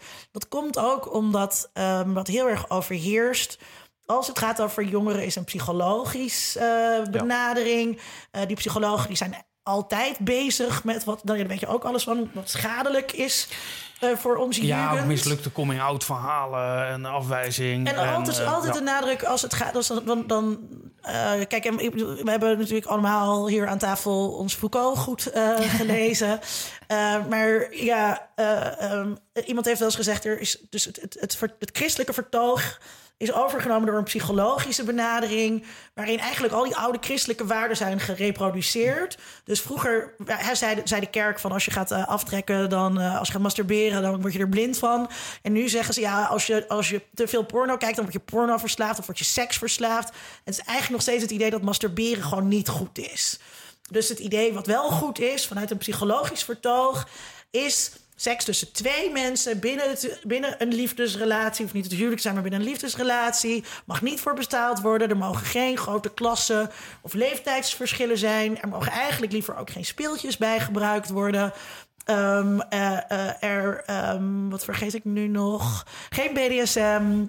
Uh, Prostitutie. Geen, ja, en er mag niet voor betaald worden. Nee. Ja, en dit is wat, wat mijn favoriete uh, seksdenker Gil Rubin heeft samengevat als The Charmed Circle. En dit is de seks die goed is, die in onze maatschappij goed wordt gevonden. En psychologen vertalen dat dus in gezond. Dus gezonde seks is met twee mensen. In je eentje is eigenlijk niet zo gezond. Ligt ook een beetje aan waar je bent in de wereld, hoe sterk dat psychologisch vertoog is. En hetzelfde geldt voor uh, seks met meerdere mensen. Uh, dan wordt er heel erg de nadruk gelegd op wat er allemaal mis kan gaan. Um, uh, als we het hebben over polyamoreuze relaties, waar wij het ook over hebben, dat er toch, hè. Dus ik zat in een documentaire over polyamorie en toen zat daar ook een psycholoog in. En die begon toch echt een verhaal af te, af te steken over dat. Um, ja, je, ja, je kan hem wel invullen. Ja, ja maar ja. Dat, dat, je, dat je als je eigenlijk met meerdere mensen in een relatie zit, dan bind je je nooit echt aan één Mm. iemand. Dan hecht je je nooit aan één iemand. En dan komt dus dat hele psychologische gezondheidsvertoog, wordt door je strot heen geduwd. Als waren dat dus echt uh, medisch verantwoord. Terwijl het eigenlijk gewoon een moraal is uh, die je meekrijgt. Sorry, ik drijf heel erg af, maar, maar, ik kan maar, niet maar, maar aan, aan, de andere kant kan ik me heel goed voorstellen dat mensen zich zeggen... kijk, als je naar uh, spuiten en slikken kijkt de afgelopen 15 jaar... daarvoor seks voor de boeg... dan krijgen we juist allemaal te zien wat we in die, uh, die burgerschutten, weet je wel, die, die, die Charm Circle mensen, die, uh, nou, laten we zeggen, uh, dat allemaal niet doen wat ze missen. Ik laat even Marijke uh, voordat ik hem weer vol lul. ja, wat, wat nou, is het, het valt mij op. Kijk, op televisie en andere mediavormen zien we altijd de, uh, die dingen die buiten die, die cirkel vallen. Buiten mm. die wat dan als gezond en normaal gezien wordt. Is dat ja, zo? Dat krijgt toch aandacht in... in, in alle films, alle series, alles gaat over een man en een vrouw die elkaar ontmoeten. informerend over seksualiteit. Ik ben heel erg met je eens dat als het een gewoon verhaal is... ja, dan krijg je ook gewone seks. Dat bedoel je... Ja, maar dat zit ja. overal in. De hele dag krijgen we in reclames, in films, in voorlichting, in alles. Um, krijgen we dat, dat gewone verhaal van een mannetje en een vrouwtje die samen verliefd worden en alleen maar binnen die relatie netjes uh, monogame seks hebben in bepaalde standjes met, met of zonder, liefst zonder speeltjes, zonder dat er voor betaald wordt, wat dan ook. Dus dat, dat krijg je de hele dag al te horen. En ik vind het dus heel prettig om eens een keer wat anders te horen. En dat wordt dan, dat is ook wel weer grappig, dat wordt dan vaak indoctrinatie genoemd. Hè? Als je eens een keer iets zegt over seksuele diversiteit of over polyamorie. Hoezo of, loop je mij, uh, mijn lesbische ja. door mijn strot te duwen, zegt ja. de persoon die eerst een gender reveal party heeft gehouden voor zijn ja, ja, precies. We krijgen de hele dag dingen door onze strot geduwd. Alleen het valt ons niet meer op, omdat we het al zo hebben geïnternaliseerd. En het is voor ons al zo normaal om een heteroseksueel koppel te zien, uh, dat we het helemaal niet meer opmerken. Maar we krijgen het wel de hele dag. Ja, nee, ik vraag het ook omdat en in, in, de. Telegraaf bijvoorbeeld staat er weer een, Goeie een, dag, een dagboek van een minnares, weet je wel. Op het ja. moment dat het buiten de grenzen is het of anoniem... of iemand krijgt een gescrambled hoofd of onder een andere naam. Mm. Uh, Volkskrant heeft ook zo'n hele serie met gefingeerde namen... op het moment dat het ook maar een beetje buiten die paden past. Maar, dat, en dat, maar dat, uh, wat dat dus um, bewerkstelligt is dat je je moet schamen... als je buiten die, be, als je buiten die normale, tussen dikke aanhalingstekens... Uh, paden wandelt. Want je moet dus anoniem in de krant. Dus daar, dat, dat versterkt het stigma in plaats van het te doorbreken. Dus op het moment dat een krant seksualiteit zo brengt, blijf je nog steeds binnen een seksnegatief vertoog. Uh, zitten in plaats van um, dat positief. En jij, je, je gaat iets te makkelijk, zeg maar, van seks voor de boeg uh, um, naar spuiten en slikken. Um, ik heb wel eens uh, wat geschreven over geschiedenis van voorlichtingsprogramma's op televisie en er ook wel lezingen over gegeven. Um, zo, zo wild is het allemaal niet. En spuiten en slikken uh, heeft heel erg uh, ook, ook de naam, zeg maar, heel uh, wild te zijn. Maar als je gaat kijken wat er nou daadwerkelijk in te zien is, of wat voor boodschap ze daar nou uitdragen, dan valt het wel mee. Dat is echt niet zo transgressief als dat, dat de titel doet voorkomen. Ehm, en, en de jaren 90 waren echt een andere tijd. We waren toen veel vrijer over seksualiteit. Dus je had wel die boodschap: eh, zonder condoom ga je dood. Maar er was veel meer seks op de televisie uh, te zien. Ouders vonden het veel minder eng als hun kinderen doktertje speelden. Dan, dan wanneer ouders dat nu vinden. Dus we liggen, dat, is, dat is wel echt veranderd. Ik, ik zag van de week nog een artikel en was een mevrouw van dik in de 70 en die vertelde dat ze van seks genoot. Nou, dat was, dat Ah, was een, een, een nieuw, nee, maar dat was een nieuwsverhaal. Dat, Ja. eh, dat, dat, Treurig eigenlijk, dat dat een nieuws- Dat was diep ja. verdrietig. Al die Ja. andere mensen die van die leeftijd zijn die Ja. dat lezen, die denken... En, maar nog even, het is fuck, heel moeilijk ook. Het is heel moeilijk om dat, ehm, eh, dat zorgvertoog of dat psychologische vertoog te bestrijden. Eh en Marijke eh, doet dat. En een aantal mensen van Rutgers doet dat. En er zijn wel meer mensen. En ik probeer dat te doen. Maar altijd, ik weet niet of dat ook jouw ervaring is. Je krijgt altijd best wel negatief ingestoken vragen van journalisten. Ook al bellen ze jou omdat ze weten dat jij een ander verhaal gaat houden, krijg je toch dat soort vragen. Ja, zeker. Ja. En deels is het natuurlijk te begrijpen, want het liefst zou je kinderen behoeden voor alle narigheid die er op de wereld bestaat. Eh, en, en dat begrijp ik ook wel. Eh, tegelijkertijd zeg ik altijd: het heeft geen zin om kinderen op te sluiten in een gouden kooi, want een gouden kooi is nog steeds een kooi. Dus je zou het wel willen. En tegelijkertijd moet je je toch realiseren: het kan niet, het moet niet, het is ook helemaal niet gezond. Eh, en het werkt, het werkt ook gewoon echt narigheid in de hand. Als jij zo negatief gaat lopen doen. En ik heb het zelf heel erg gezien in relatie tot sexting. De hele tijd die negatieve boodschap over sexting zorgt ervoor dat jongeren zelf heel negatief gaan praten over sexting. En dat is natuurlijk niet alleen, dat belemmert ze niet alleen in hun vrijheid. eh, maar dat zorgt er zelfs voor dat ze elkaars gedrag gaan proberen te reguleren. En elkaar gaan veroordelen voor sexting. En zelfs elkaars materiaal door gaan sturen. Dus Ter zelf bestraffing van ter de bestraffing daad. Ja, van ja. dat. En dan Ja. eh, ze, want dat gaat vaak over. maar-. Ja, Ja. echt disciplinering. Echt gewoon elkaars gedrag reguleren. Jij moet niet aan sexting doen en ik zal jou die les leren door ehm, jouw foto's of jouw video's door te sturen. Dus met al onze goede bedoelingen zijn we super contra- contraproductief bezig. Dus het is gewoon, het is ook voor jongeren niet. ehm, het, het werkt ook voor jongeren niet goed uit als wij zo seksnegatief gaan praten. hey Marijke, Ja. Ehm, wat ik een van de allerleukste dingen uit jouw proefschrift eh, vind, eh, is het, het stuk over risico. En Ja. over hoe we naar risico kijken. Ehm, eh, want dat gaat heel erg over dit Ja. zorgvertoog. Ehm en hoe we dat op een andere manier kunnen doen. Nou kan Ja. ik het uitleggen, maar jij kan het veel beter uitleggen. Ja. Kan je daar wat over vertellen? Over eh, seks en risico's en hoe het anders kan? Ja. Ehm, ja, dat, dat betreffende stuk gaat dus inderdaad over dat ehm, de seksuele activiteiten van jongeren, met name op sociale media, want daar ging natuurlijk mijn onderzoek over, worden heel vaak gelabeld als risicogedrag. Want er zit een bepaald risico aan vast eh, dat je schade oploopt, emotioneel, fysiek, ehm, economisch eh, voor mijn part. En wat dan vaak gebeurt, is dat bepaalde activiteiten worden, eh, worden besproken. En die worden dan gelabeld als risicovol. En dan gaan we met z'n allen onderzoeken wat alle mogelijke negatieve uitkomsten daarvan zijn. En op een gegeven moment gaat dat zo in ons hoofd zitten, die herhaling van steeds weer datzelfde verhaal, dat we die risicovolle activiteiten alleen nog maar zien als ehm, activiteiten die slecht aflopen. En ehm, wat ik dus heb gezien, is dat eh, eh, jongeren ondernemen activiteiten. Seksuele activiteiten nemen altijd, brengen altijd een bepaald risico met zich mee. Ehm, je hoeft niet per se de Himalaya op te gaan, inderdaad, om, eh, om een bepaald risico te hebben. Maar dat dat niet per se kan altijd betekent. gekwetst worden. Ja, maar dat betekent niet per se dat, het, dat de uitkomsten eh, negatief zijn of onprettig. Ehm, sterker nog, het risico zelf kan juist de lol zijn. Ik had bijvoorbeeld, toen ik net begon met mijn onderzoek, toen had ik het eh, met jongeren over chatroulette en chatlokaal, waar ze dus met willekeurige andere mensen gaan zitten praten. eh, online. En die willekeurige anderen, dat zijn redelijk vaak eh, volwassen mannen. Die, eh, ja, die dus seksuele vragen stellen, die naakt achter de webcam zitten. nou ja, die allerlei dingen doen. En dan vertelde ik dat aan volwassenen en die schrokken daarvan. Die zeiden, "Oh, hoe, hoe kunnen we jongeren hier tegen beschermen? Terwijl die jongeren, ja, sommigen eh, vonden dat inderdaad onprettig, die mannen. Maar de meeste, als ik het er met ze over had, dan was het al heel snel hilariteit. En dan vlogen die verhalen me om de oren. En die meiden die hadden daar gewoon duidelijk, waren, in dit geval waren dat meiden, die hadden daar gewoon heel veel plezier in om dat te doen en om daarover te praten en dan naar best zijn. Dus um, uh, mijn voorstel is om dat niet langer te labelen als risicogedrag, maar als avonturen. Waarbij je niet helemaal zeker weet wat er allemaal uitkomt. Met een, ja. Waar, waar je dus een bepaald risico loopt op een negatieve. Een avontuur, ja. Dat hoort Ja. bij een avontuur. Maar waarbij de uitkomst ook prima heel plezierig kan zijn. Ja. En waarbij dat plezierige zelfs in dat risico kan zitten. In dat gevaar. Bijvoorbeeld die blote mannen op chatroulette of chatlokaal. Ja.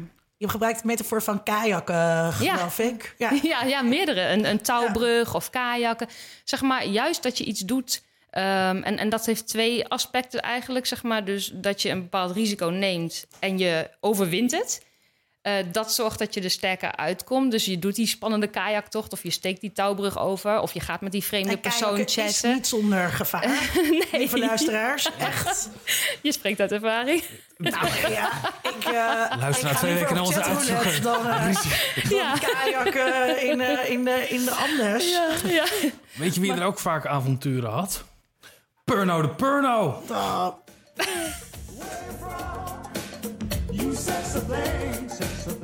Via de populaire Netflix-serie Sex Education, de NPO-webserie De Sekszusjes en Martine Sandifort als Dr. Corrie worden kinderen en jongeren voorbereid op het moment dat zij seksueel actief worden.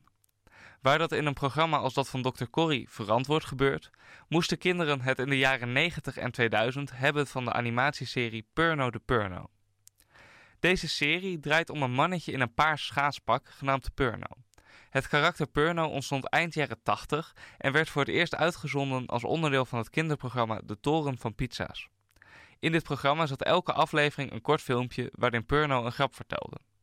Na De Toren van Pizza's bleek Purno een enorme populariteit te hebben opgebouwd en de VPRO besloot dan ook om hem een eigen serie te geven. De eerste serie bestond uit een doorlopend verhaal waarin Purno op pad gaat met als doel de gestolen schoonheid van het prinsesje Saverina terug te brengen. Op deze tocht komt hij in contact met uiteenlopende personages zoals de Kietelaar, een naakt lichtpaars wezen met enkel een mond en een zwaar Surinaams accent, de stomme eend, een schilder met het pseudoniem Kanaar Stupide, en Pedo de postbode, een postbode die graag aan kinderpostzegels likt. Het mogen duidelijk zijn. Purno de Purno zit bomvol met seksuele referenties en niet alleen in de dingen die Purno zegt. Ook de wereld waar Purno in leeft pelt uit van seksueel getinte omgevingen zoals Tieten Trampolineland en hij komt veel in aanraking met blote mevrouwen. Enorme blote mevrouwen. Naast de seksuele toespelingen werd ook het thema drugsgebruik niet geschuwd. Zo zegt Purno in een van de afleveringen letterlijk: Ik word hier knettertje stoned van. Purno de Purno was dan ook niet onomstreden.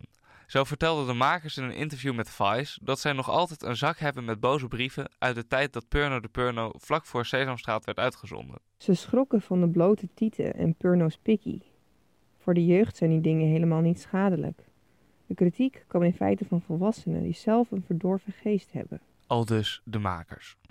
Vandaag de dag is Purno de Purno te bekijken op YouTube. Opvallend daaraan is dat de video's sinds 2013 alleen nog maar te bekijken zijn voor mensen boven de 18 jaar.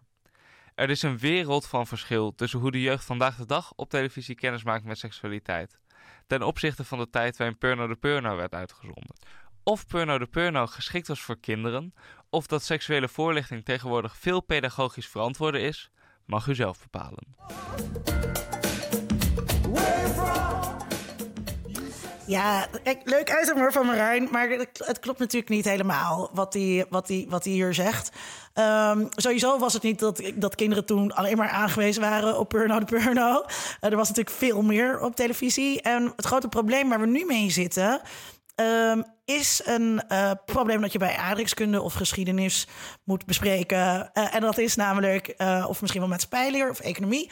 eh, is, is dat van de macht van de tech-giganten die uit Amerika komen. En het is YouTube dat bepaalt... die die beperking Dat die, dat, dat die beperking oplegt, eh, omdat Ehm, als YouTube een Nederlands medium of een Nederlands platform was geweest, was die beperking er echt niet opgelegd. Dan hadden ze echt niet die kinderserie van toen zo'n hoge leeftijdskwalificatie gegeven. Dus zo erg achteruit is het niet gegaan. Je zit met twee verschillende culturen. Ehm, en ik denk Ehm, dat zoiets als Burno de Burno. Laatst was ik dat ook iemand die zei: Ah, dat zou nu, nu nooit meer kunnen. Nou, ik weet nog wel dat ik een aflevering van Beastie Boys keek, ook uh, bij de VPRO. Waarin Tim den Beste meeging kijken hoe een paard geïnsemineerd werd. En hoe eerst dus een, een hengst, zeg maar, hoe zijn sperma uh, gemolken of geoogst werd. Of hoe noem je dat? En vervolgens dat dat bij een merrie geïnsemineerd werd en zo hartstikke ranzig en duidelijk. En, dus dat, dat wordt nog steeds gemaakt. Maar ja, dat is wel de VPRO. De VPRO maakte dat soort dingen. De VPRO maakt nog steeds dat soort dingen. Uh, en ik denk dat de Beastie Boys waarschijnlijk ook niet op YouTube zouden mogen van YouTube. Wat een, die, dat is echt een, uh, een, een tirane die je hierover hebt. Dat, uh... niet, verder niet op Marijn uh, gericht. Of maar alleen maar klein op Marijn. Sorry Marijn. nee, maar het is... Het is um, als het gaat over seks en media, dan um, blijft het heel vaak, wordt het heel vaak een soort van anekdotisch. Van nou, ja. oké, dus uh, do bij Dr. Corrie waren er heel veel klachten gekomen van ouders. Dus dat moest van televisie af. En dat zijn ook bepaalde uh, ouders. En tegelijkertijd is Dr. Corrie um, er wel. Dus maar is... dat is eigenlijk de grote continuïteit natuurlijk. Dat je al vanaf de jaren zeventig, open en bloot, hè, dat er uh, het programma... Mm dat er altijd wordt verwezen van dit is nu uh, heel erg transgressief je hebt van altijd deze met generatie. Alle, je hebt altijd met alle voorlichtingsprogramma's op televisie over eigenlijk allemaal zijn er uh, een soort van uh, mediapanieken of, of zorgen geweest waarin mensen brieven schreven naar de krant over dat soort programma's. Eigenlijk uh, redelijk constant, ook vanuit brede hoek. Een interessante uitzondering daarop, die verwacht je eigenlijk niet. En dat is Neuken doe je zo, uit mijn hoofd uit uh, 2002, 2003. Is dat um, al zo oud? Dat is al zo, zo, oud, ja.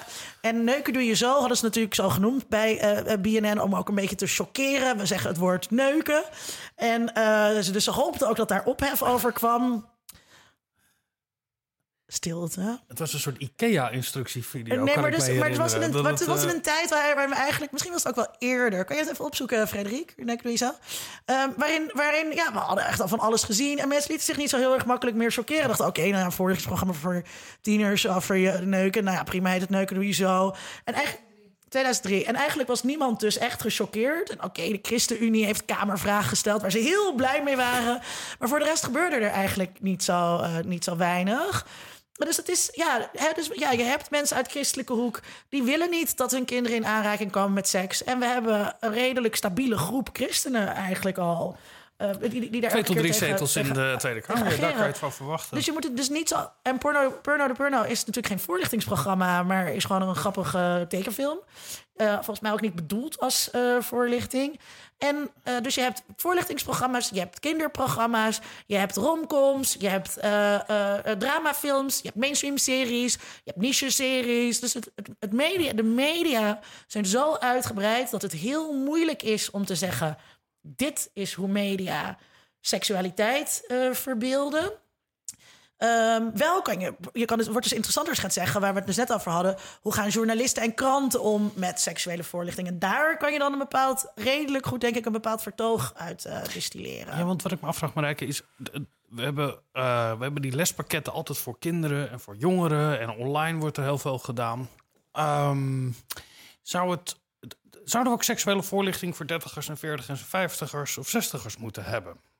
Ja, het lijkt me heel leuk om uh, met z'n allen na te blijven denken over ja. wat is er mogelijk en wat zijn onze normen en uh, klop, kloppen die of wil ik die misschien bijstellen of uh, wat doen andere mensen. ik leer zelf pas de laatste jaren steeds meer over polyamorie en kritische ideeën over monogamie en hoe dat eigenlijk werkt of niet werkt voor mensen. En dan denk ik, dat is hard, vind ik nog steeds. Ik, ik, ben 37 en ik vind dat nog steeds hartstikke leuk om over te horen.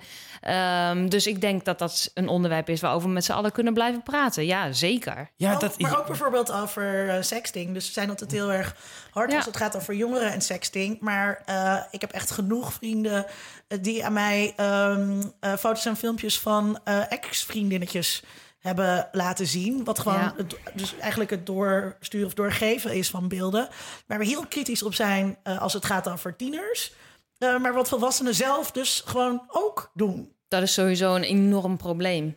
Dat, we kunnen niet verwachten dat jongeren dit niet doen als we zelf allemaal keihard lachen als de filmpjes van Patty Bart uitla- uh, uitlekken. Uitlekken, ook zo'n woord. Ja. Als mensen haar filmpjes moedwillig doorsturen zonder dat ze daar Ja, toestemming gestolen hebben. materiaal eh ja, door, eh, ja, door ze- verhandelen. En daar om lachen. En daar grapjes over maken. Ja. En memes over maken. En die weer met z'n allen delen. En inderdaad, precies wat jij zegt. Zitten we met z'n allen te fitten op jongeren. En laten we ook even goed in de spiegel kijken over eh, wat we zelf allemaal doen. En weet je hoe slecht? Dit vind ik heel. Ik, ik was, ik, was een, ik heb een tijdje heel erg daarop zitten haten. En heb ik uiteindelijk een stuk voor NRC geschreven. Dat ging niet alleen over seks, maar ook over, over drugs. Ehm, dus je hebt gewoon nu babyboomers die ehm, opgegroeid zijn eigenlijk dus voor die grote AIDS-paniekcampagnes. Waarmee wij eh, zijn opgegroeid als veertigers. Ehm, en eh, die zijn heel lang getrouwd geweest en die zijn daarna gaan scheiden. en eh, die hebben dus helemaal niet dat hele... eh, eh, hoe, Ja. hoe bescherm je je goed tegen SOA's meegekregen. Dus er was een moment waar niet alleen in Nederland... maar ook in andere westerse landen... dus heel veel SOA's rondgingen... eh, in die groep ehm, eh, 50, 60, 70-plussers. Eh, maar echt, maar ik lach er nu om. Maar ook gewoon echt wel, ook, weet je, HIV ook. Omdat ze gewoon ook denken, dit, dit geldt niet voor mij. Ja. Weet je, ik, ik ben Ja. of een vrouw is in de overgang geweest... dus ik hoef me niet meer te beschermen tegen zwangerschap.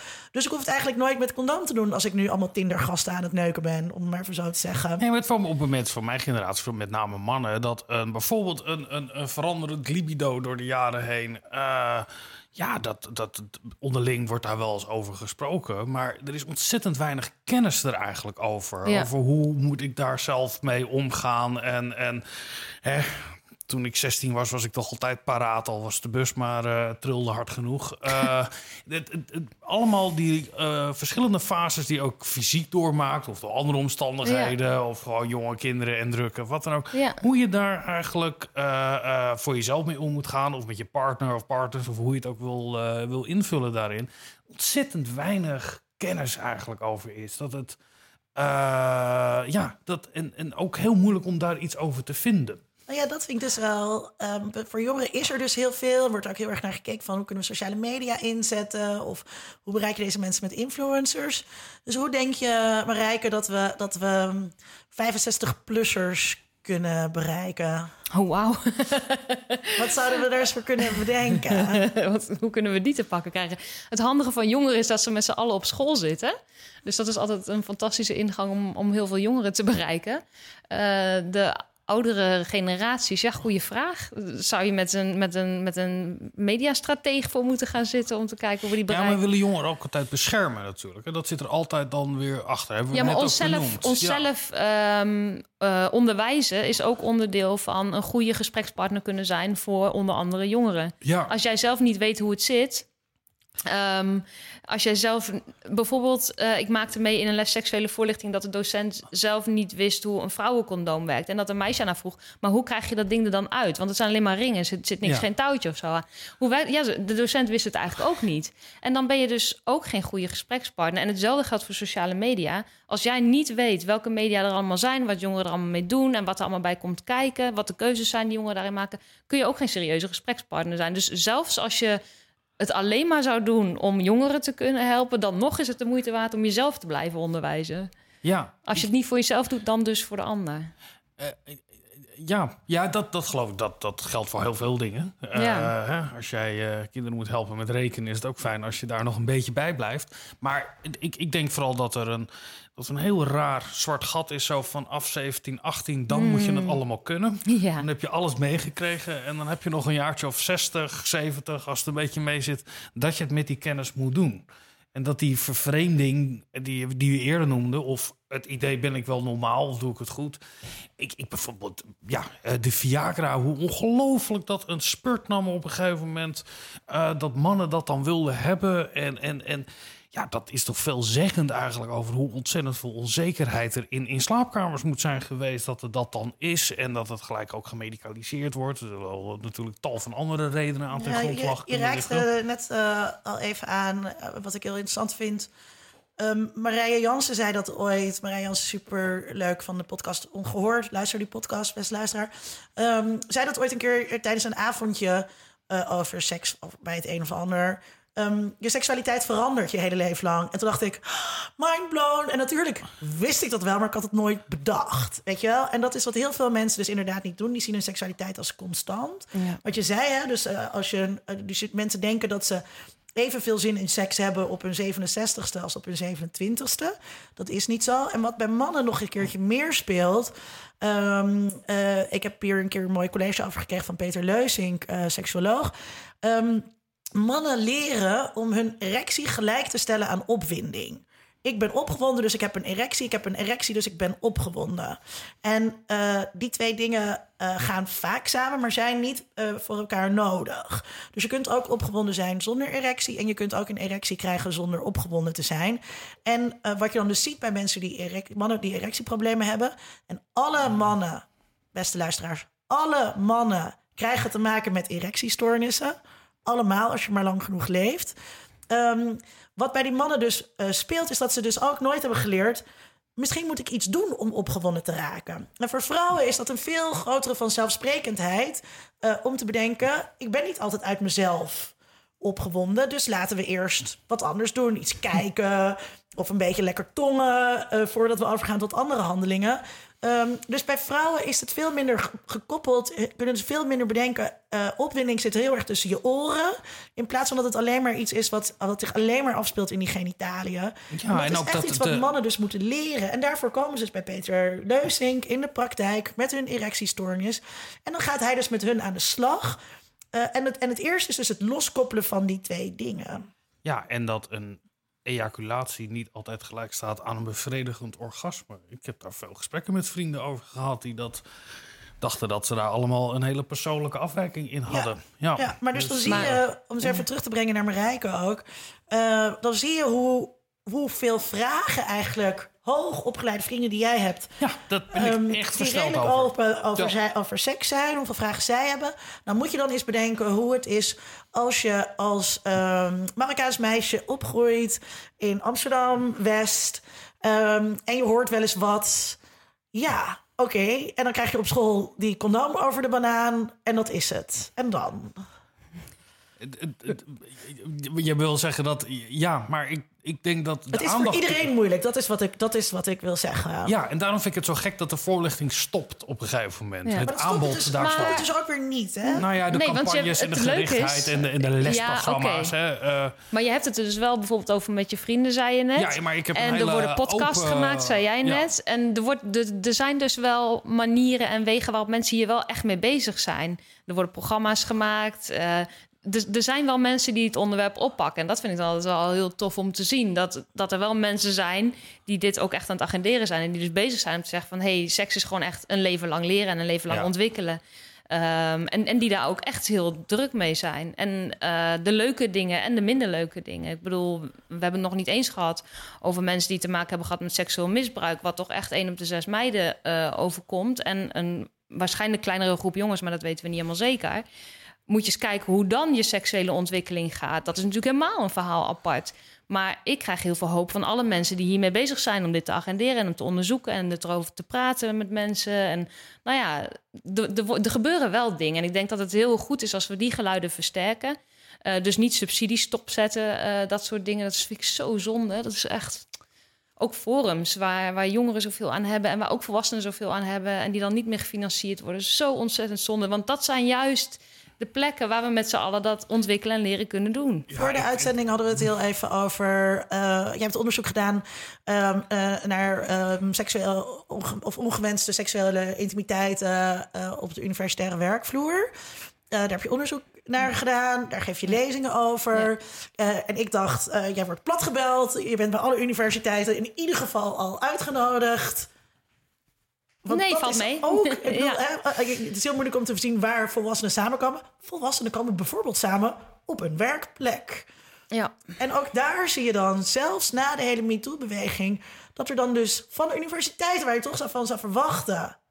hè, dat die dit probleem wil oppakken, wil aanpakken, dat er dus dan blijkbaar toch ook weinig animo is. Want, hoe- want hoe, of misschien kan je iets vertellen wat uit je onderzoek is gekomen daar en eh, of, ehm, of je zo'n lezing erover ook ziet als een vorm van seksuele voorlichting. Ja. Ja, dat onderzoek ging niet alleen over seksuele eh, intimidatie. Eh, het ging over harassment. Ik, ik blijf het Engelse woord gebruiken omdat ik vind dat er geen goed Nederlands equivalent is.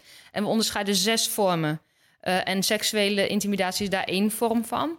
Ehm, en dat, dat ging dus inderdaad over harassment aan de universiteiten. En dan in eerste instantie tegen vrouwelijke wetenschappers. Ehm, niet omdat het alleen vrouwen gebeurt, maar daar hebben wij even onze prioriteit gelegd.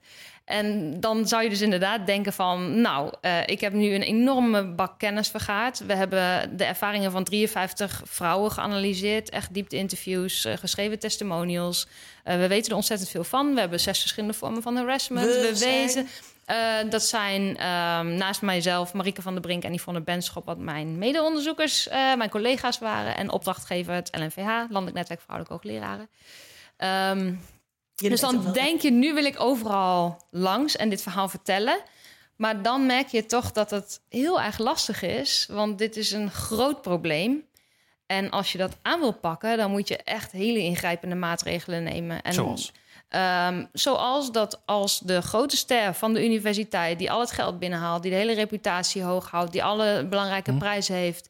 En dat is eigenlijk gewoon een hele vervelende persoon die andere mensen bijvoorbeeld seksueel lastig valt of op andere manieren. eh, voorbeeld van die Dat je die persoon- aan de UvA, dat je-. D- Nou ja, precies. Dat je zo'n persoon dus aanspreekt en eventueel, als het nodig is, ontslaat. Nou, dat gebeurt gewoon. Ja, nou, toevallig zijn er dan inmiddels een paar gevallen waarbij actie is ondernomen. Maar over het algemeen eh, doen universiteiten gewoon liever de ogen dicht. Eh, en gaan Ja, ze ik wil gewoon nu heel door. cynisch gaan zeggen ja. En dan als je hem ontslaat, dan ontsla je eigenlijk ook gewoon de hele onderzoeksgroep die meegaat naar een andere plek waar iemand dan eh, verder succesvol gaat zijn. Nou, Dus of die onderzoeks, nou, de onderzoeksgroep is waarschijnlijk blij dat die hoogleraar ontslagen wordt. Ja. En die wil graag blijven zitten. En die wil helemaal niet met hem mee. Nee, want ze kunnen eindelijk gewoon hun werk doen. Ja, Maar Maar dat is één van de dingen. Maar dat is maar één ding, hè? Het, het, het is er goed onweten, heb, heb je het reageren idee op dat er maak even de zin onwetendheid... af, eh Marijke. Ja, eh, nou, het adequaat reageren op incidenten is één ding. Ehm, maar daar zijn we. Er is nog, wat je zegt, onwetendheid is ook een factor. We moeten eerst nog weten wat gebeurt eigenlijk allemaal aan harassment. Dus ik heb nu dat, dat verhaal, we hebben dat geanalyseerd. We hebben daar een, mooie, degelijke eh, rapportage over geschreven. Ehm, dus dan denk ik, daar moet het mee beginnen, dat opbouwen van die kennis. Maar ik ben, er zijn iets van 14 universiteiten in Nederland, denk ik. Ik ben op drie nu uitgenodigd om dit verhaal te presenteren, denk ik. Dan, daar ben ik nog lang niet tevreden over. En ben je dan door verschillende vakgroepen, door een vakgroep uit, wordt is dan breed toegankelijk of echt specifiek een faculteit? Ja, dat, dat wisselt. Ja, Ja. De ene keer is het, eh, nou ja, zoals vandaag was het dan het netwerk van de vrouwelijke hoogleraren in Utrecht. En een andere keer is het een specifieke faculteit. Of, eh, er zijn is het x een- aantal universiteiten, maar zijn eh, is Ja, eindeloos nog. veel meer Ja. ja. Ja. eh, eh, faculteiten, Ja. groepen, dingen waarvoor je dat kan doen. Ja, ik zou minstens één keer op elke universiteit kunnen staan, maar ook meerdere keren, ja. Gewoon per faculteit. Maar dit, dit zijn moeilijke dingen om over te praten. En ik denk dat dat ook, ehm, dat is wel vergelijkbaar met seksualiteit, ook in zijn algemeenheid. Het is gewoon een beladen thema waar mensen heel veel moeite mee hebben om over te praten en om onzekerheden over te delen. Want je stelt je enorm kwetsbaar op op het moment dat je dat doet. Ja. Dus Ja, zeker Ehm, als er ook hiërarchieën een rol gaan spelen. Dat maakt het en, nog eh, veel verhoudingen ingewikkelder. en, eh, Jij Ja, bent, jij bent ja. bestuurder. ik ben bestuurder en daarom luister ik ook met interesse. Ja, ik, ik vind Zou, het... een- zou je, zou je, hoe, zou jij, hoe zou jij, dan ga je daar natuurlijk niet specifiek over, maar hoe zou jij daarin staan? Of waarom, waarom denk je dat Marijke minder wordt uitgenodigd? Waarom denk je dat het een moeilijk onderwerp is? Of wat zouden voor jou redenen zijn om het wel of niet te doen? Nou ja, kijk, ik werk bij. Dat is absoluut geen excuus, maar ik zit bij een departement waar gender studies een onderdeel van uitmaakt. Dus ik denk dat er in ieder geval veel kennis is over het onderwerp. Ik denk dat daar wel een. Dus een heel sterk bewustzijn daarover. Dat neemt absoluut niet weg. Ja, daar heb ik ook wel eens mee zorgen over. Dat het dan dus niet plaatsvindt. Ik geloof dat daarom vroeg ik ook. Is er on- kijk, de onwetendheid en eh, de praktijken die kunnen elkaar versterken, maar soms ook helemaal niet, denk ik. Als de, er zijn altijd weer nou ja, verwarringen in, in, in nou ja, misplaatste verliefdheden of genegenheden of, of uitgespeelde. Nou ja, Ja, noem daar het, gaat dit niet eh, over hoor. eh, dit zijn geen onhandige. ehm, dat weet ik. Kijk, als ja, dat, Waar gaat het wel ja. over, Marijke? Eh, als je het hebt over de seksuele intimidatie, dan ehm, gaat het bijvoorbeeld over eh, opmerkingen die gemaakt worden, eh, naar mensen staren, mensen aanraken, seksuele verzoeken doen, afspraakjes proberen te regelen. Ja. En misschien dat een aantal van die dingen, dat je daarvan kunt zeggen, ja, misplaatst grapje of een misplaatste Nee, nee, nee, maar aanraking. een- Maar wat ik dus Ja. zag, was dat als mensen daar iets van zeiden... van hé, hey, ik vind het niet prettig als jij mij zomaar aanraakt... dat het gewoon doorgaat. En daar zijn we eigenlijk weer terug bij waar we het aan het begin over hadden... over die kinderen die geen nee mogen zeggen tegen tante Thea. Ik heb een hele lieve tante Thea, dus ik vind het echt Oh. heel Ja. rottig.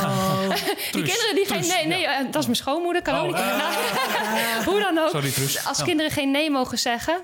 Ja. En ehm, nou, dan kom ik door die namen weer helemaal.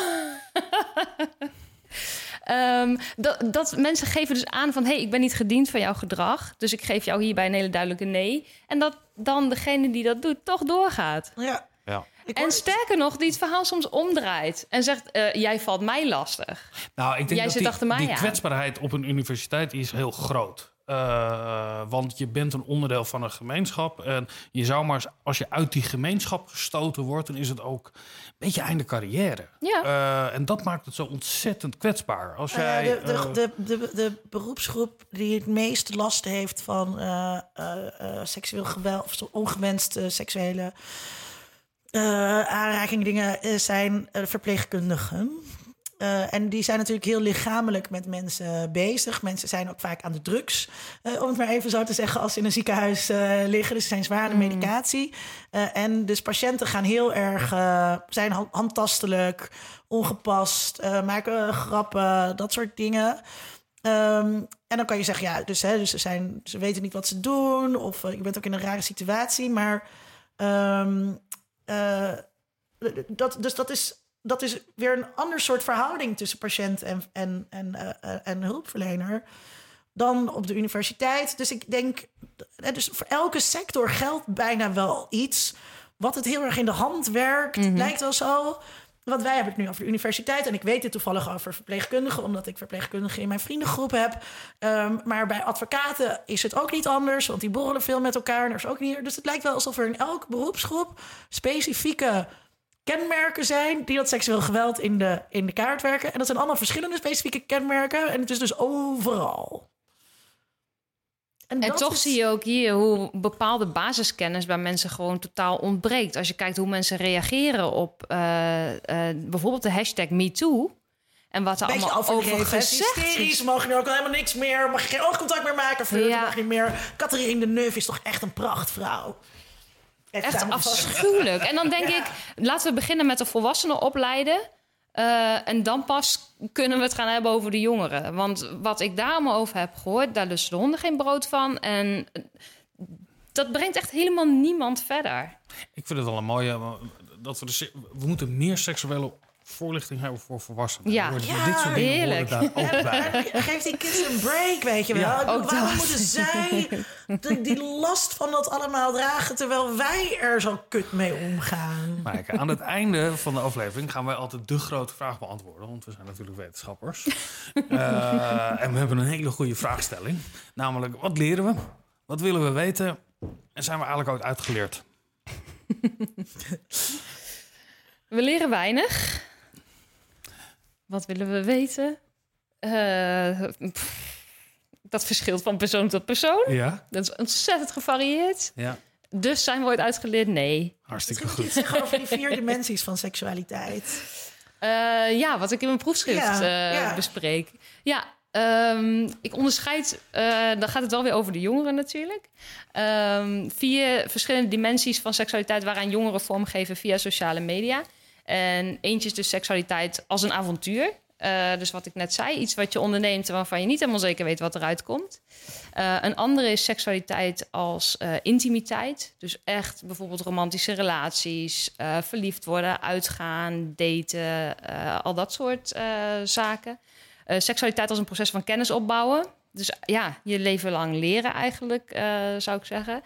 En seksualiteit als een proces van vormgeven aan identiteit. Dus eigenlijk altijd als je met seks bezig bent, speelt ook iets mee van wat voor soort mens ehm, ben ik? Wil ik zijn? Hoe doe ik dat? Wat moet ik ervoor doen? Wat moet ik ervoor laten?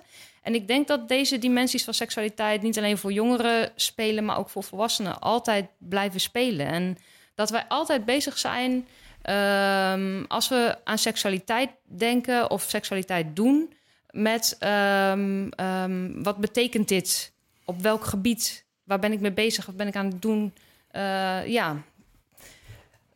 Dus misschien is dat, is dat inderdaad een manier om te kijken van wat willen we weten. We willen echt op, op verschillende dimensies allerlei verschillende dingen weten en doen en ervaren ook. Want soms zeggen jongeren ook stop alsjeblieft met me alles uitleggen. Laat het me gewoon doen.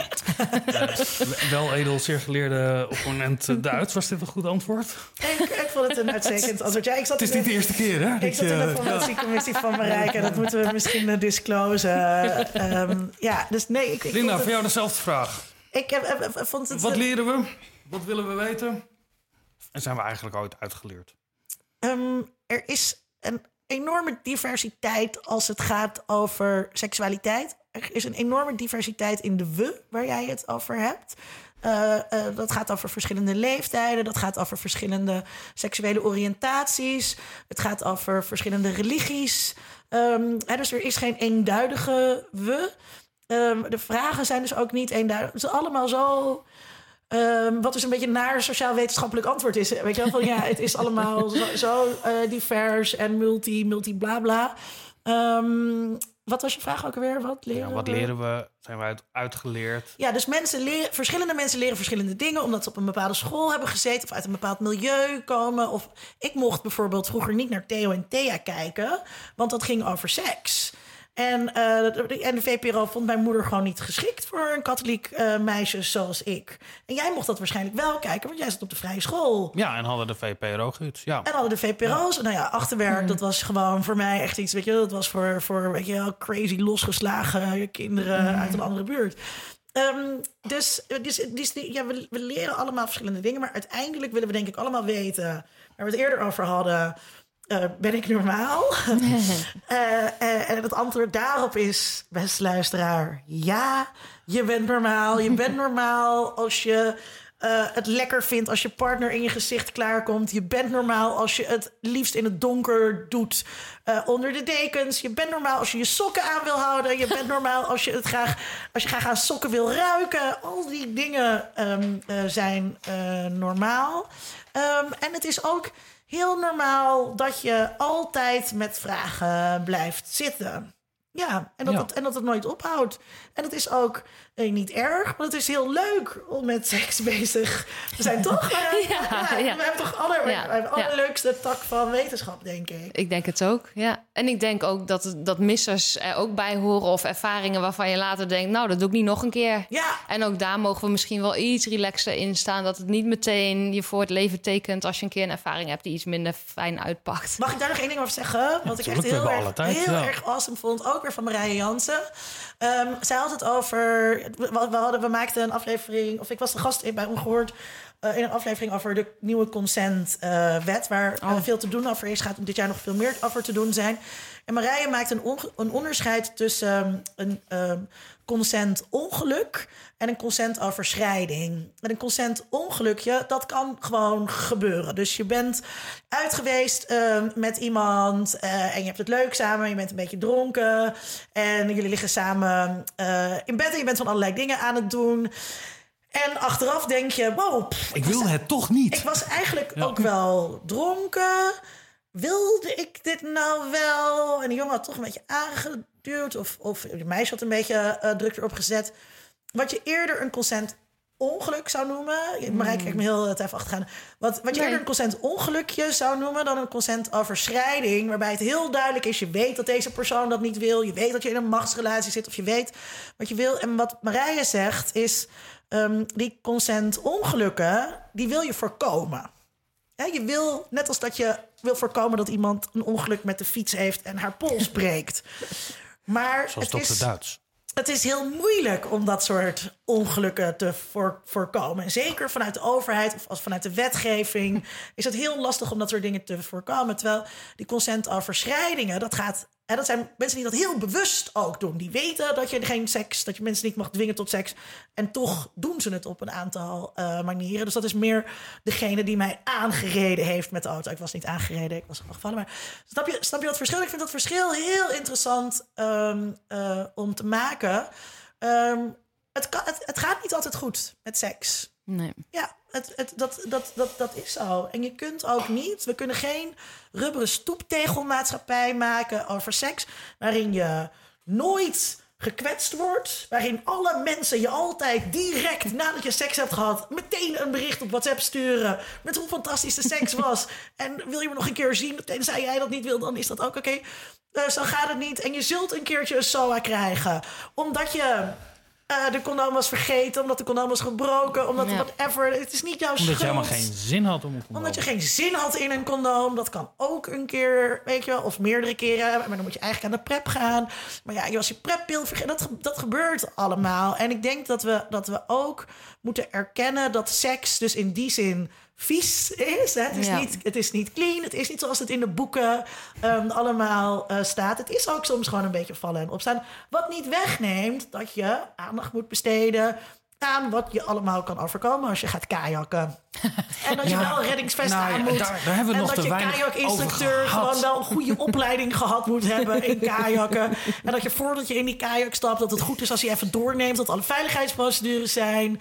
Ja, Ja, maar toen, ja, toen ik 16, 17 was, je, ik, ik, je was al sociaal niet. Ja, dat is allemaal een driften en verlangens en, en het ook allemaal niet weten. En als je dan ook nog eens een keer moet gaan nadenken of er wel daadwerkelijk consent is. Oh, En, eh, Vincent. eh, Nee, nee, nee, nee, nee. eh, nee, Dit is nee, het- maar nee, dit maar is als je dat. belangrijk. Als je, tuurlijk, ik, ik denk dat je inderdaad wat jij zegt, dat je, he- als je als je een beetje in een, in een, een, een, een sociaal gevoel, hoe noem je dat, een empathisch vermogen hebt, dan weet je eh, eh, wat je met elkaar en ja, ik kom natuurlijk uit zo'n omgeving waarin je altijd heel lief tegen meisjes en nog, wel het vragen aanvoelen en voorzichtig en wat dan ook. Je bent vast ook Ah. wel eens een keer in een keer verkeerd gat gevloept. In een verkeerd gat, dat is een heel. eh, ja, wat niet de bedoeling was. Dat kan ook een consentongelukje zijn. Dan zeg je, oeps, sorry. Eh, Dan hoef je niet meteen naar de politie. Nee, nee, ik heb het ook wel eens andersom meegemaakt inderdaad. Dat je achteraf denkt van ja, of... Waarom er zo nou een vinger in mijn kont? Had ik niet om gevraagd. Jij zei, sorry, dat wil ik niet. Zei ja. ze, oeps, sorry. Dat kan gebeuren. Ja, of- moet je niet doen. Je moet of- zorgen dat mensen dat willen. Het is dit of je moet anderhalf uur naar huis fietsen. Maar dat is een heel lang verhaal. Eh, beste luisteraar. dit was aflevering 93 van de podcast Onder Ons Mediadoktoren. negende seizoen. Nee, achtste seizoen zijn we begonnen. Achtste seizoen. Achtste seizoen zijn we begonnen. Oh, spannende tijden. We zijn altijd op zoek naar talentvolle mensen. Dus wil je ook eh, maker worden, podcast maken, meld je dan aan. Eh, als je nou helemaal geen zin hebt om podcast te maken, maar je wil ons wel steunen, dan kan je Patreon worden. En eh, Matthijs van Lisdonk heeft dat ook gedaan. Dankjewel, Matthijs. Ehm, alle informatie erover is te vinden op ondermediadoktoren.nl. De redactie van deze podcast bestaat uit Soner Arslan, Marijn Joop, Frederik Tijlers, Linda Duits en ik, Vincent Kronen. Veel dank aan onze gast Marijke Nezer. Zo leuk dat je er was. Graag gedaan. Leuk. En wij zijn er over twee weken weer. En dan gaan we het hebben over e-sports. E-sports. Tot dan.